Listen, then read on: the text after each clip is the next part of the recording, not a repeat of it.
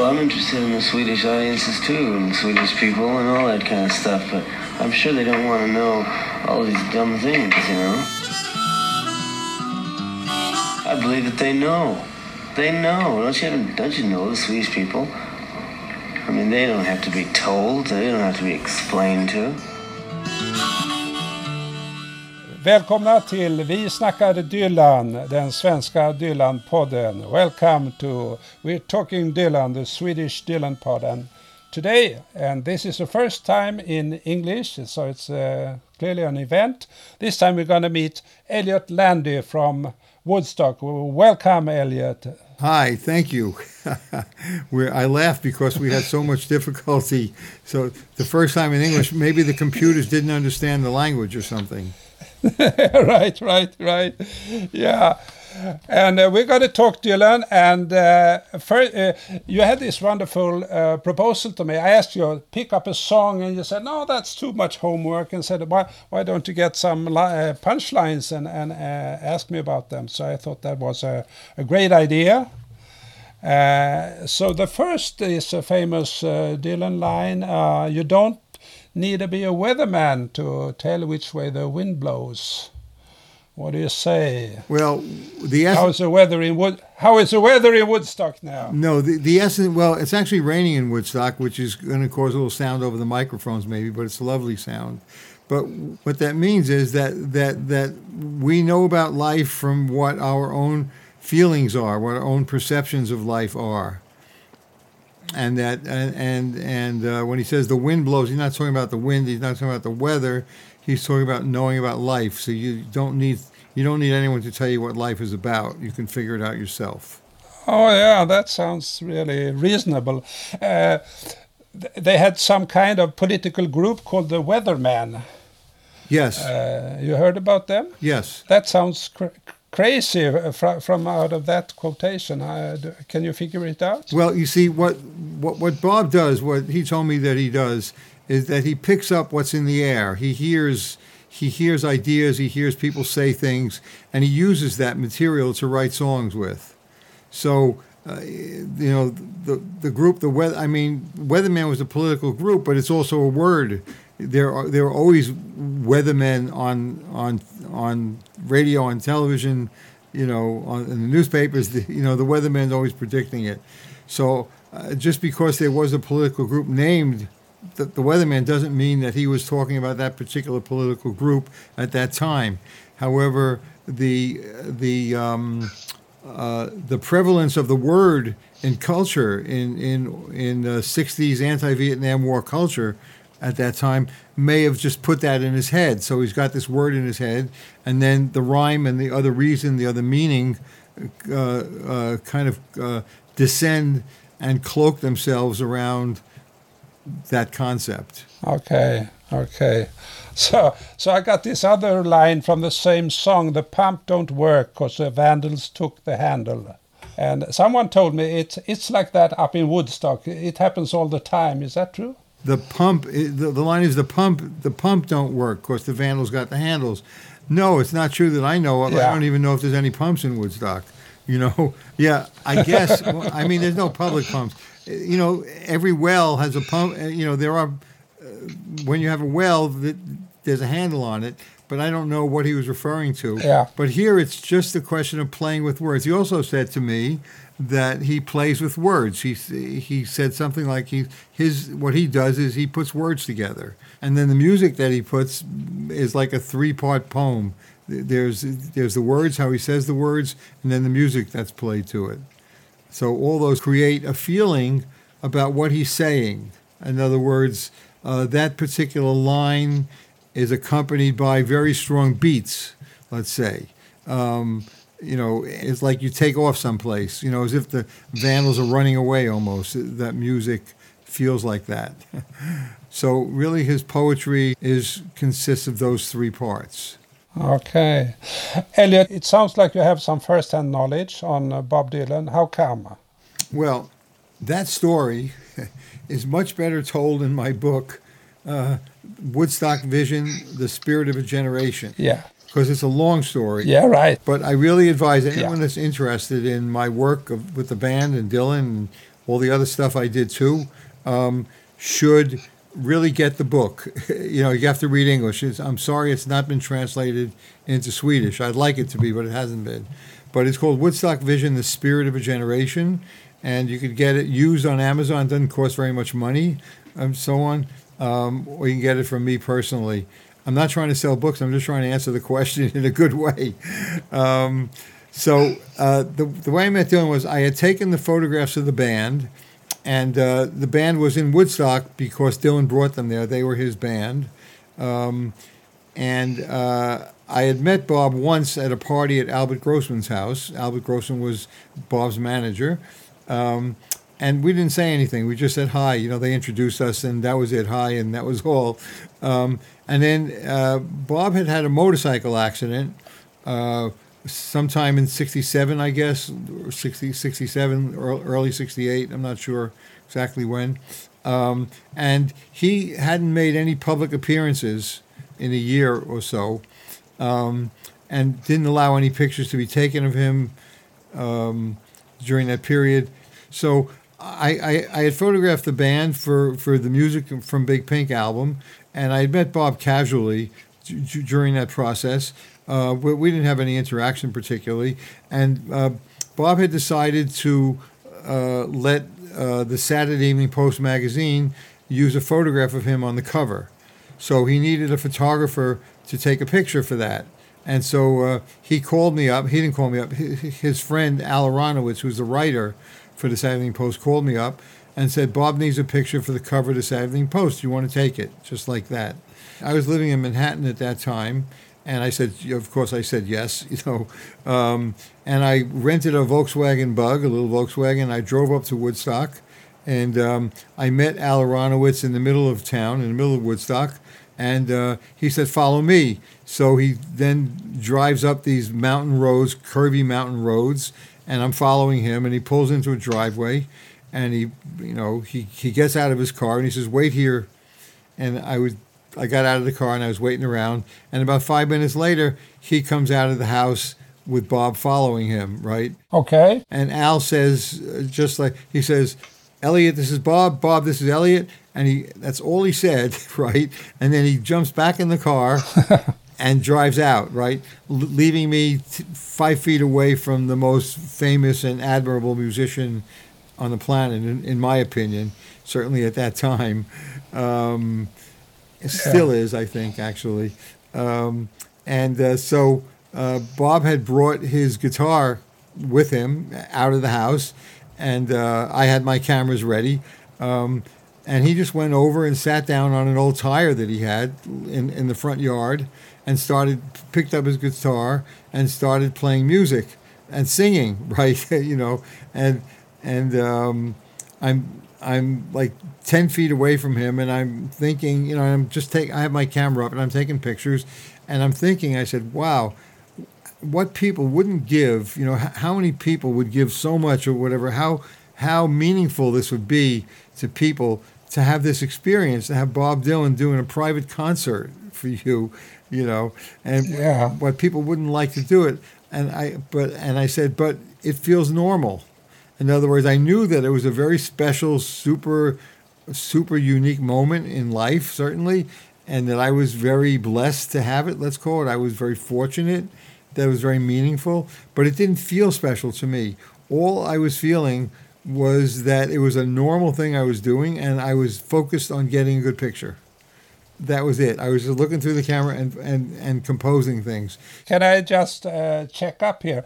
Uh, you said this was for a cover to the Saturday Evening Post. So we're not talking about the cover for the Nashville Skyline now. No, that's a whole other story. Okay, uh, go on. You sit there and he's he plays just for you, and you think, oh well, this is a normal thing, and it was not a normal thing. I, I didn't think it was. I knew it wasn't a normal thing, and what I was aware of that it felt normal to me. It was a very special moment, and people should be nervous and people and unusual, and maybe you should have a thrill or something. I don't know, uh, be anxious about it, but it just felt normal. Everything felt felt normal to me, and I didn't. I, I didn't my blood pressure wasn't up high, you know, nothing like that. But I just I just remember observing that that it was it was everything was so natural. He was so easygoing and I was so easygoing uh, that there was just a flow there that uh, made it happen very easily. So um, after we took that picture, I assume you want to know about the Nashville skyline. Yeah, we could we could take that, but but before I, I ask you about the Woodstock Bakery because I have seen a wonderful picture from uh, from the Woodstock Bakery also. You took that, didn't you? Yes, I, I, I did. Um, so after so when we, we took the pictures, I'm, I'm going to tell you the interesting story if you don't mind. Um, we took the picture of the at the Saturday Evening Post um, of that. We took the picture for the Saturday Evening Post, and then I went home and I processed the film, and I came back and we went over the pictures together um, to pick out the best one to give them, and and, and so on. So um, I spent time with him there doing that, and then I was gonna. Uh, stay over at Rick Danko's house. Rick and Levon were sharing a house, and they told me to come up and stay over there anytime I wanted to. So I was up in Woodstock, and after I photographed Bob, after after I came back with the pictures, and you know we sat together, we looked at the contact sheets. I had made some proof prints for him to see, um, and he said, "You going back to the city now?" And I said, "No, I'm going to stay at Rick's house." And uh, he said, "Oh, you could stay upstairs." He says, "I have a spare room. If you want to stay over, you're welcome to." So I stayed over at his house that weekend. You know that uh, I think it was just for one night then, and then there was a second time I did that also. Um, and then the next day he asked me to take pictures of him with his family, with his wife and children. Um, so, and those are the only pictures that only that publicly exist of him at that time with his family. Um, and also in my book Woodstock Vision. Um, you know, I keep mentioning Woodstock Vision. I don't really. It's not about selling a book. It's really about sharing the information and the experiences that I had at that time. Of course. If you look at today's world, what's happening, and the lack of integrity that's going on, especially in my government, but in so many governments, uh, and and the '60s was a time when a, a, time of integrity. I don't mean that people had integrity necessarily. The government certainly didn't fighting the Vietnam War, but the but the goal of the generation, the '60s generation, the so-called hippie generation, was to make the world a better place, to live with integrity, to do the right thing for everybody, to m- create a society where you could do what you wanted to do, uh, do what you love, and live from it. That was the theme, and the the assumption was that if everybody follows their own inner feelings, their own inner being, then life will be good for everybody. That uh, you'll happen to do what I need, and I'll happen to do what you need. Uh, all that kind of thinking where you trade and you barter things has gotten replaced then too, of course, by the monetary system, and then people then were just accumulating money for its own sake, even though they didn't need it anymore. Yeah. And we in the 60s saw what was wrong with the world, and we were trying to make it better. And that's what that generation was about. And that's why Dylan's music was so special, because it was addressed to that. It was addressed to truth. There's always truth in what he does. By truth, there was no, he wasn't writing a song to be famous, or he wasn't writing a song to be successful. He was writing a song to write a song. Yeah, yeah. I, I talking about your book, uh, which I I have one. The reason I talk to you is because we have a mutual friend, a wonderful person living in Woodstock called Michelle, and she sent uh, this Woodstock Vision. And it's such a fantastic book. It contains not only Dylan but also a lot of uh, other photos of this uh, generation of musicians. But but I want to I want to stay with these uh, family pictures because they are really unique and it gives a totally different uh, picture of Bob Dylan than than you uh, were used to through other photographs. You know, Pennebaker and everything around him with the uh, sunglasses and so on. Here's here's a young guy, and he's uh, seems happy, and he he's very calm, and uh, it's totally different. What do you say? Yes. No, I mean that's exactly it. He was just he was just who he was. He wasn't he he he felt comfortable enough with me to let me be part of his life for that day when we took the pictures. And he asked me to do it. I didn't I didn't want anything from him. The the reason why people sometimes ask, you know, how did you get to take those pictures? And the answer is I didn't get to take those pictures. I took them. um, I didn't want anything from him. I wasn't. Um, the reason why that I got close to Dylan and, and the guys in the band was because all I want to do is make a good picture. I, I want to make a beautiful picture, not even a good picture. And I'm really focused on that. And I'm not there to become famous with my photography, and I wasn't doing it to earn a lot of money. I was doing it because I loved taking pictures and I loved what I was doing, who I was photographing, really. And they saw that. There was no ambition. And also, I didn't want to impose myself on them.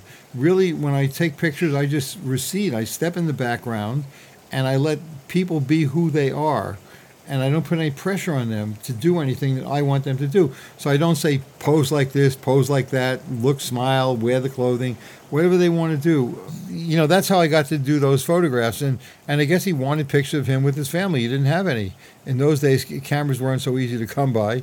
Um, you know, and I guess he didn't know any other photographers that he felt close to. I mean, the fact that he asked me to stay over at his house was was was really lovely.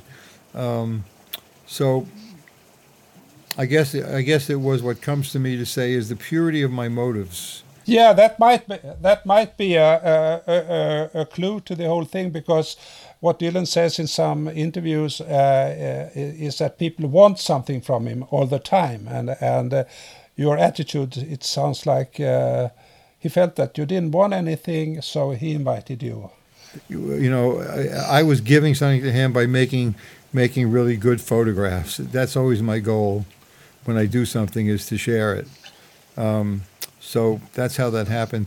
And then you asked about the bakery picture. Um, so after after that after that period of the Saturday Post pictures and so on, I would see him every so often here and there. And um, um, one day in in uh, I guess it was February. Had you had you moved up to to Woodstock then? Or? No, no, I moved up to Woodstock. Yeah, after I took the Saturday Post photographs that's when I moved up to Woodstock because I was become successful as a photographer in New York City, and I had a little apartment, and I was living with a girlfriend. No, I wasn't living with a girlfriend. I had a girlfriend. We weren't living together yet, and um, but it was a pretty good relationship.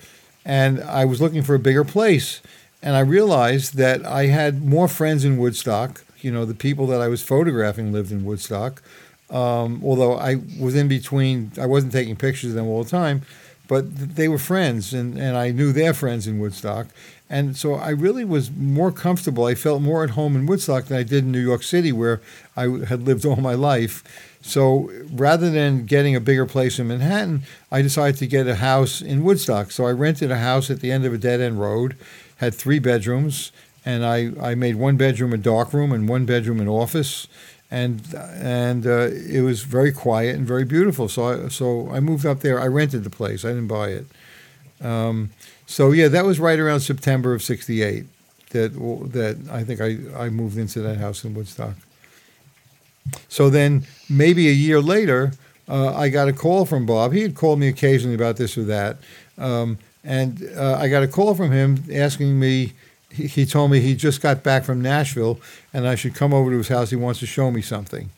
So he actually he, he, he played Nashville Skyline for me. He had an acetate, and he played Nashville Skyline for me.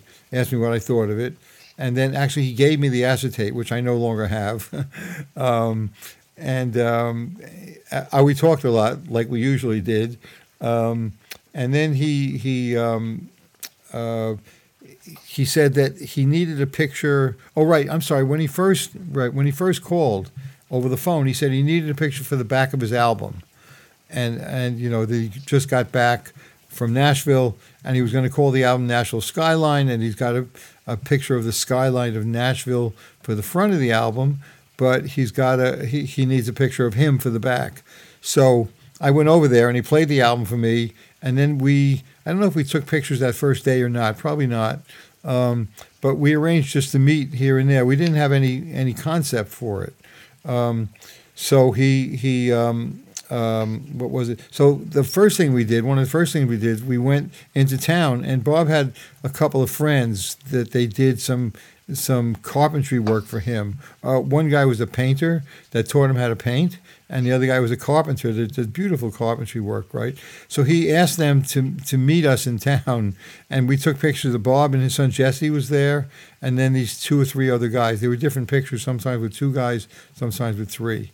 Um, and so that's and one of the places we we posed was in front of the bakery, because it was a it was a a, a German Jewish bakery, you know, German Jews uh, owned it. Elliott, Elliott, I, I saw on I saw on YouTube a kind of funny but uh, uh, strange video about these two guys who pose uh, beside Bob on that picture, and they have some kind of quarrel because they were, you know, some friendly enemies or something. Yeah. Do, do you know these people or? Yeah, no, no. I, I, I, I knew them over the years, um, and I, you know, and and they didn't get along with each other so well, and there was always a little, you know, battle between them. But I don't pay much attention to those kind of things. You know, I, I like I like it when people get along, and I mean, they were both nice guys. That's the interesting thing. They were both extremely nice people. I think they, you know, they had different political views. I think one was very right very conservative. I think so. I'm not sure really. I really don't know. I'm just guessing here. Not guessing, but I'm vague, have vague memories of it. But I think it was they argued over, over political stuff. I believe. Um, but you know, that's a minor part. I think of things because they both work for Bob a lot. You know, I don't even know if they work for Bob a lot. They work for Bob somewhat, and they work mainly for Albert Grossman, uh, Bob's manager. I have asked Michelle. You didn't uh, take the cover for John Wesley Harding, No, but but there is no there is this guy on that cover called.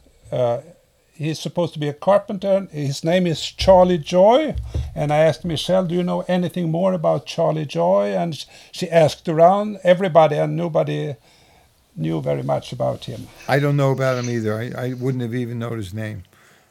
John Wesley Harding was before I knew Bob. Yeah. So um, the Nashville skyline uh, picture. How how long did we come there?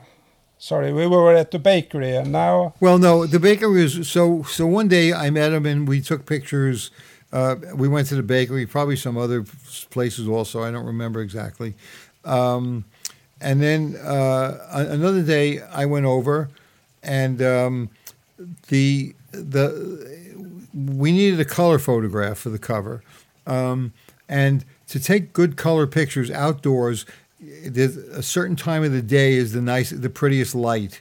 In the movie business, they um, they call it the magic hour, and that's just about a half hour before sunset to a half hour, twenty minutes after sunset, when you get really beautiful warm light. So, and I am aware of that, very much aware of color. When I shoot color film, I'm very much aware of getting good color. So I went over to his house and we were talking and hanging out in his living room, and I was waiting for the right time to go take the picture. And then when the right time came, um, I said, "Okay, let's go." And I walked out of the house, and he's he's coming out also, and uh, he stops for a moment and he takes a hat off the hat rack, uh, off the coat rack, right out, right um, as he's leaving, and he picks up his guitar, and we're walking around. So I remember he he sat down on some steps, and I took some pictures, and we're just kind of looking around. I don't plan things. I mean, I can plan things, which is evidenced by the the big pink photograph that I took that came out nicely. That was completely planned, but I prefer not to plan things I le- unless I have to. It's much easier not to. So we were wandering around without any any particular place. I was just looking for the right angle or the right shot, the right light. Um, and at some point, Bob stops and he says, "Take one from down there," and he points to the ground with his finger. Okay, and I'm very receptive also. Like when I'm with someone and I'm taking pictures of them, it's for them that I'm taking the pictures. It's not for Elliott I'm taking the pictures. It's for Bob. It's for whoever it is. So I'm really working to to make them happy. Um, and uh, I'm very receptive. So he said, Why don't you take one from down there? And I immediately started to get down. And he points to the ground. And I immediately started to get down on, on my knee to get the right angle. And I'm picking up the camera, you know, to, to take a picture of him. And as I'm getting set to take the picture, he says to me, "You think I should wear this hat?" And he starts to, and he starts putting his hat on. okay, just out of the blue, you know. Before this, he was carrying it around. Do you think I should wear this hat? And I said, I don't know. But as I said, I don't know, I take a picture of him asking me that question, you know. And that's what Nashville Skyline is. It's a very, um, a very informal, natural photograph. He's smiling because people didn't wear hats like that in those years. It really kind of didn't belong to to the 60s generation. It's a kind of an old fashioned hat. And he thinks it's funny. Bob is a very funny guy. Uh, above all, he he chuckles about life. At least when I knew him during those years, I don't know him anymore at all. But for him, and all his songs are very funny. Like you said, the Vandals took the handles. That's a very very funny, very very funny phrase. The Vandals took the handles, and also very meaningful. Um, and his his songs in those years are play on words um, Maggie's Farm. There was a there's a farm stand near Woodstock called Maggiore's Farm. M A G G I O R E S. It's an Italian Maggiore's Farm. So he shortened that to Maggie's Farm. You know, and Sad Eyed Lady of the Lowlands. Oh, yeah? Sad Eyed Lady of the Lowlands.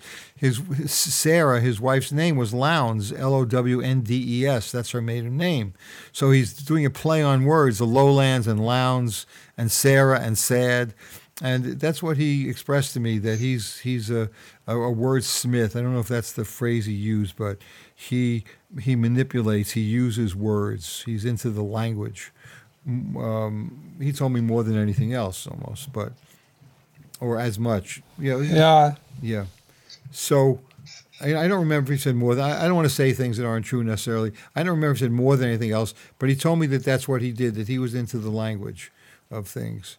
Um, anyway, so so that's how Nashville Skyline happened. Oh, and the the magic thing about Nashville Skyline, I was in in uh, in those years and still am very much so into spiritual metaphysical things, and um, for for Nashville Skyline, the way I got paid was I went up, took the pictures.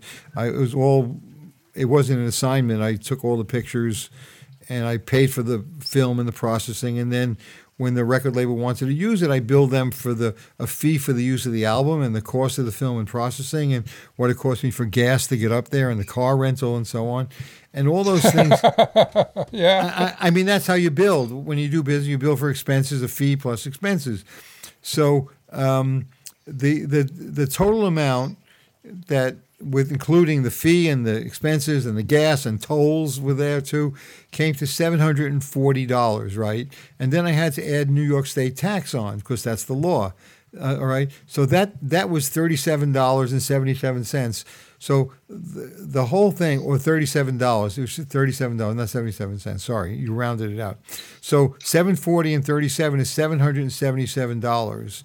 And 777 is a mi- magical, mystical number in metaphysics. It's the it, it it's a number of manifestation. And when I saw that, it blew me away. It still does because th- that was certainly the the keystone picture. One, of, uh, I mean, aside from the band, but the picture of Dylan, that picture was the one that I'm known for. You know, that's that's the mark. And for the universe to say to me, we have a hand in this. In other words, you're not alone. you're part of a greater cos, a, greater cosmological reality. Um, so I was I was very very very uh, the word very grateful, very humbled in a way, in a sense, and very clear that this was all meant to be in some way. Because also our names, Dylan and Landy, are anagrams of one another. Yeah, right, right. Yeah. And then even more interesting is my wife now, when she was born, she, her name is Linda, and now uh, it's spelled L I N D A, but when she was born, her mother spelled it L Y N D A, L Y N D A, which is an, wow. which is an anagram of Landy and Dylan. But yeah, I'm here for a reason, I guess.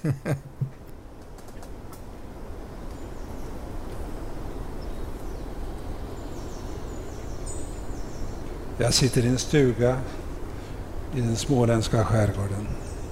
Det är natt.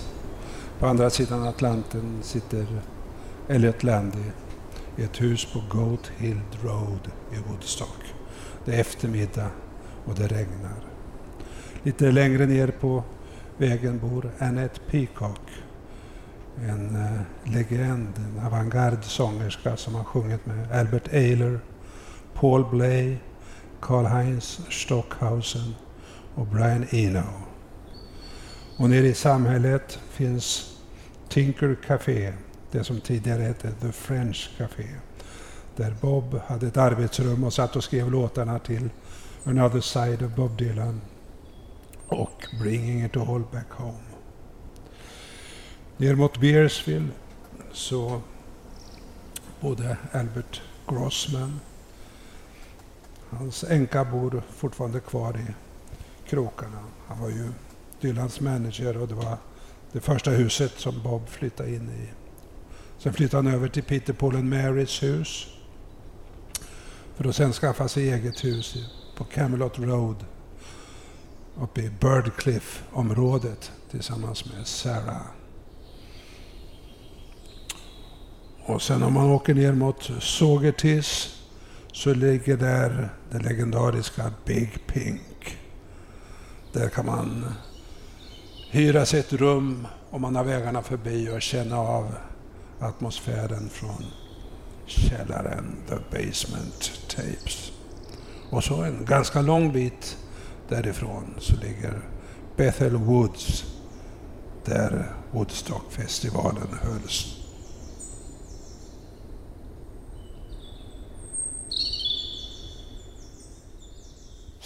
Before you took this Nashville skyline picture, you took the cover for a band uh, record, didn't you? Yes. I, I read an interview uh, of you, and you said uh, I, I, wanted to catch uh, the, the, spirit from the late 19th century because these guys seem to be uh, fr from another time, uh, and and uh, this is also uh, Dylan from this uh, this time. He's he's kind of uh, you know before his time, but also. Uh, connects back to old traditions all the time, and and I think that is something also with the hat on the Nashville skyline picture and the and the band pictures and so on. What, do you say about that? I, I agree with you. I think yeah, he was very aware of his roots. He was very aware that that that he follows a long line of musicians and a long a long history of a certain kind of um, um, folk music tradition. And when I say folk music, I mean music that comes from something that someone really wants to say about life, not writing just a song to write a song. So yeah, he's very aware of, I believe, see, um, you know, I, I, I, think you said it very well. I don't think I have to elaborate on that. okay. One thing you mentioned and uh, earlier, uh, which is you know created a lot of mystery. Uh, I understand you didn't live in Woodstock then, but the the motorcycle accident. Uh, how did it happen, and uh, what did really happen, and so on? Do you have anything to comment on that? You know, I have no first-hand knowledge of that. But I know that he had a motorcycle accident, and I know that they took him down to yeah. I think uh, near Ellenville. There was a special doctor there that knew what to do to fix him. so, but that's all I know really, and that he was out of commission for a while. Um, I don't think he was near death. I don't think you know he just he, he could have been paralyzed, but he wasn't. Um, and he recovered. I, I, I never heard of any lasting effects from that accident, but it put him out of commission. It also probably woke him up. When you have a life cha- a, a, near death accident, which that was, he didn't die or come close to it. When you have a near death accident like that, you um, you you think about your life a lot, and he was pretty much in the fast lane. Um, but you know what? I'm talking about things I don't really know. You see, um, I read this, I heard this. I wasn't there when I met him. Uh, he was this really mellow family man, very much into his family and his children, and very sweet and gentle, completely the opposite kind of vibration than you see in Don't Look Back, where he's Yeah. powerful yeah. and pushing and strong and aggressive towards press. I think rightfully so. When I say aggressive, I would say aggressive is not the right word. He was assertive towards press. He wouldn't take their their shit, you know, with the stupid things that they say sometimes, and and or the things that are meaningless. They don't understand what they're saying, and I guess you get PO'd. It, in English, is pissed off, right? So he was asserting himself he was asserting himself back at what they were saying. He wasn't just letting it go. Oh yeah, I agree, you know. But when I saw him, he was this mellow, receptive guy, and uh, during his family period, I guess it was very soft. So that that's when I knew him. And it when you have a, an accident like that, sometimes it throws you into a new phase. It changes your vibration, what I call your inner vibration. Yeah, that's right. That's right. I, I'm thinking about uh, a song uh, which I think is from New Morning. Uh, Time passes slowly up here in the mountains. There you go. Is that's that- exactly Is it. that the feeling you have up there? Yeah, that's exactly right. Yeah, you know, you get to pay attention to the to the sunrise and the sunset. yeah, that that's exactly right. But Dylan moved away and you stayed there. Uh, no, we both moved away about the same time, actually. Um, or I moved away. I'm not sure. Let me think. I don't know that timing, but it was about because I saw him again in New York City. I rented a loft in New York City. He bought a house there, and he came over one time. Uh, um, he, he he threw a stone up at my window because my bell wasn't working, and I went over to his house. I took some pictures of the birthday party he had for his for his daughter. Um, and but then he went to Mexico, and then I went to Europe. I went to Europe. I spent seven years in Europe, and he spent uh, whatever time in Mexico. And then I didn't see him again for 15 years or so, or longer maybe. Our friendship was over at that point. But uh, then you came back to Woodstock uh, later. Yeah, I well, I moved back to Woodstock in in 1998. No, 1990 or so. Right, 1990. I moved. Yeah, I well, in 1971 or two, I left Woodstock to to look for a better place in the world to live, and I I I was thought I was going to find that in Europe, and I had I left with with my significant other, my wife at the time, and we had a, a, a year old baby and a big 70 pound dog. That was our dog, and we went to Europe. I had only $22 when I got on the plane uh, t- to go. And we, we landed in Amsterdam literally with $22 in our pockets. And uh, I was supposed to get money from Magnum, who was distributing some of my photographs then. And Magnum had an office in Paris, so we hitchhiked from Amsterdam to Paris. We stayed in Amsterdam for three days. Uh, that's a whole other lifetime and a, a long, long, wonderful story. Um, because I stayed there for about seven years, living in ten different countries. We were hitchhiking sometimes with the dog and the baby, and uh, uh, and then towards the end of the trip, I we had bought a forty passenger bus, an old one, but it had beds in it, and we could sleep Oh. and live in it. We lived in Greece, we lived in Spain, we lived in Italy. It's kind of an amazing story that needs to be told at some point. I have lots of pictures and Super 8 films from it. Okay, and maybe uh, this leads too far, but but you were also a photographer at the famous Woodstock festival, which wasn't in Woodstock at all. Yeah, I was. Can you say some words about that? M- Michael Lang, the the promoter, one of the one of the main people who had the idea to have the festival, uh, was had moved up to Woodstock because it had become the mecca of music at that time, and uh, he moved, and the band was there, and Dylan was there, and other people were coming up, and so Mike's moved up, and uh, I met him. I just knew him from around town. We used to talk in the uh, in the town square, and one day he called up and he said, uh, "Can I come over? I want to ask you something." So he came over on his motorcycle, and he said, "I'm producing a concert. You want to photograph it?" And I asked him, "Well, who's playing?" And he said some very famous names. I'm sure they had great, great musicians there. And I said, "Sure." And he said, "Okay, I'll call you." And he gets back on his motorcycle and he drives away. Um, and and uh, it, we didn't even shake hands on it. it. In the '60s, you just said yes, and that was it. You know. So some months later, he calls up and he says, uh, um, I want you to come with me to the site. We're starting to build the, the place. So I went with him not to the Woodstock site because they hadn't had it yet. I went to him. I went with him to Wallkill. That's another town near where they had it. When they had rented the farm to do uh, the festival there, but the town didn't give them the permit. So I have some pictures of him at Wallkill.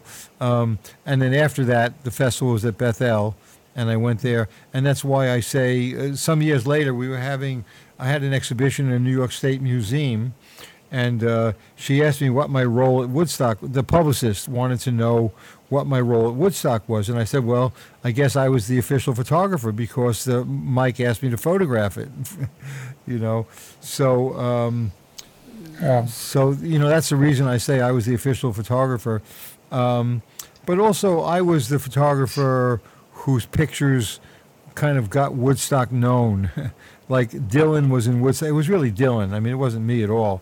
It was really Dylan, and people knew that Bob Dylan lived in Woodstock, and then the band got famous, and the band lived in Woodstock, and and they were really the avant-garde of of uh, 60s music, 60s alternative rock and roll music.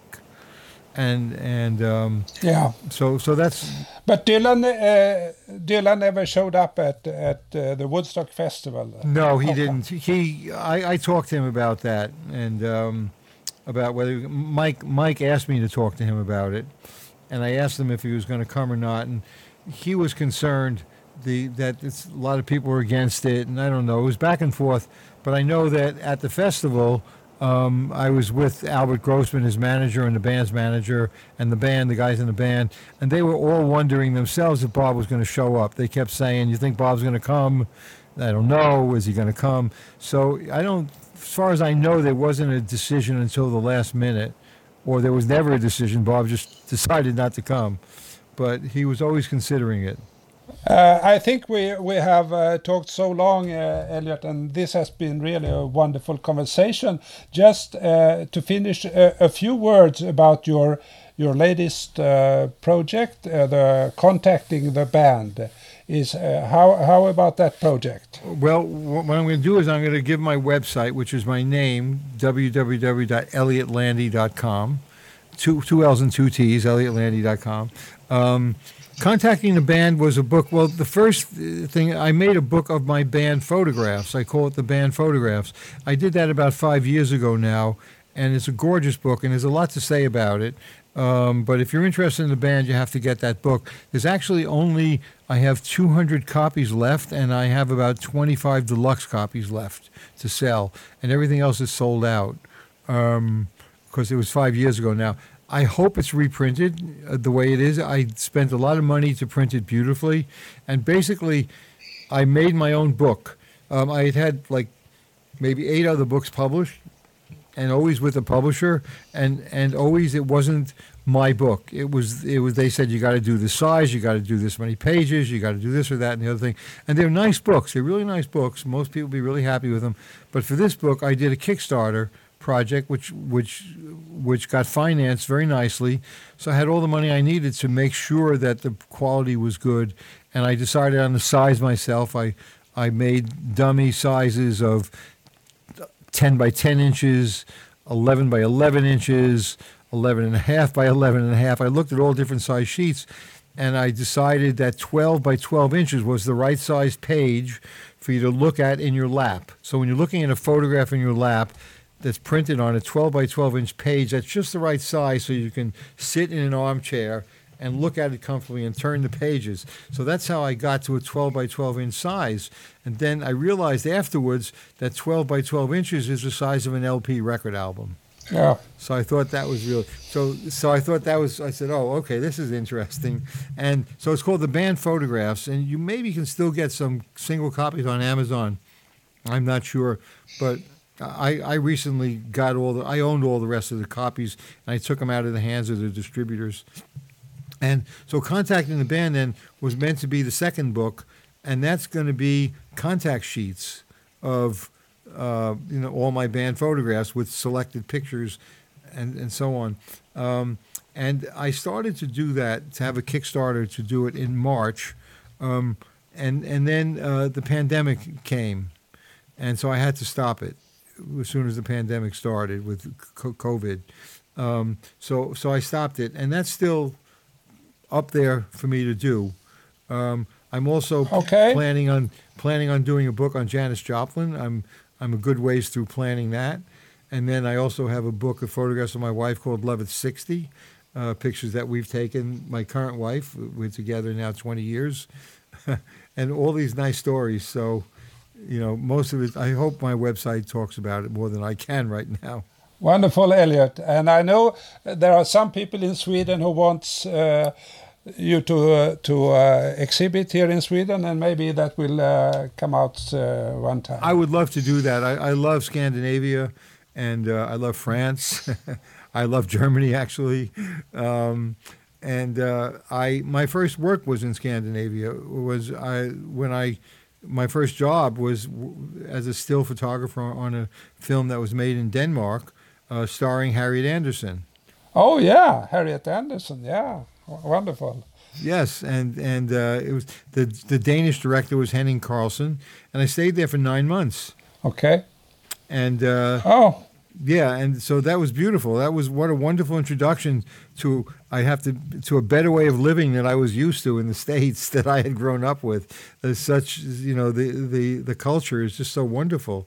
Um, so um, I, I loved it there, and um, uh, and I also then sold my photographs to major magazines in Denmark and in Sweden.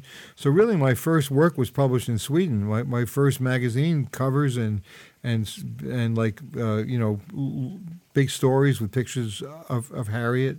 Um, I took a lot of beautiful photographs during that film, and it was great. yeah. Oh, she she was she was so. Uh, uh, do you remember the name of the film? Yes. Well, I tell you the English name. It's People Meet and Sweet Music Fills the Heart. Oh yeah, oh yeah, that one. Wonderful. Uh, they they they had us one one um, uh, w- one scene where there was a press conference. So they had me as one of the reporters, and I stuttered during the question. So if you see the movie, the the, the American, the English uh, press guy is me who stutters. it was just Okay. one line, you know. Wonderful. okay, Elliott, we have to finish now. It's uh, has been so wonderful to talk to you, and thank you for your generosity to to share all these uh, interesting uh, things about Dylan and other things. Yeah. Thank you. I should say one more thing that um, I also created a new a new way of making music films. It's it's an app that I created. Uh, you know, I, I had to make. I was shooting films in a different way and putting music to it in a different way that I could do with existing video editing software. So basically, I've created a new form of music film making that now exists as an iPad app. It's not released yet, um, but I have some very famous people rights to use their music in in the app. Um, so I'm trying now to. It's it's working actually, but it's just not released. I, to release it, it's a whole other thing. I'm looking for a company to do that. Um, to to release this app, it really is a new way of using film and music together. Um, so that's another thing. I, I've put that aside now because since the pandemic, I've only concentrated on on my still photographs. Um, but that's something I'm looking to put out also. so I hope this will be a success also, and thank you very much, Elliott, for this uh, fantastic interview. I'm sorry it couldn't be longer, but I'm about talked out. Thank you, Magnus. Thank you. bye bye.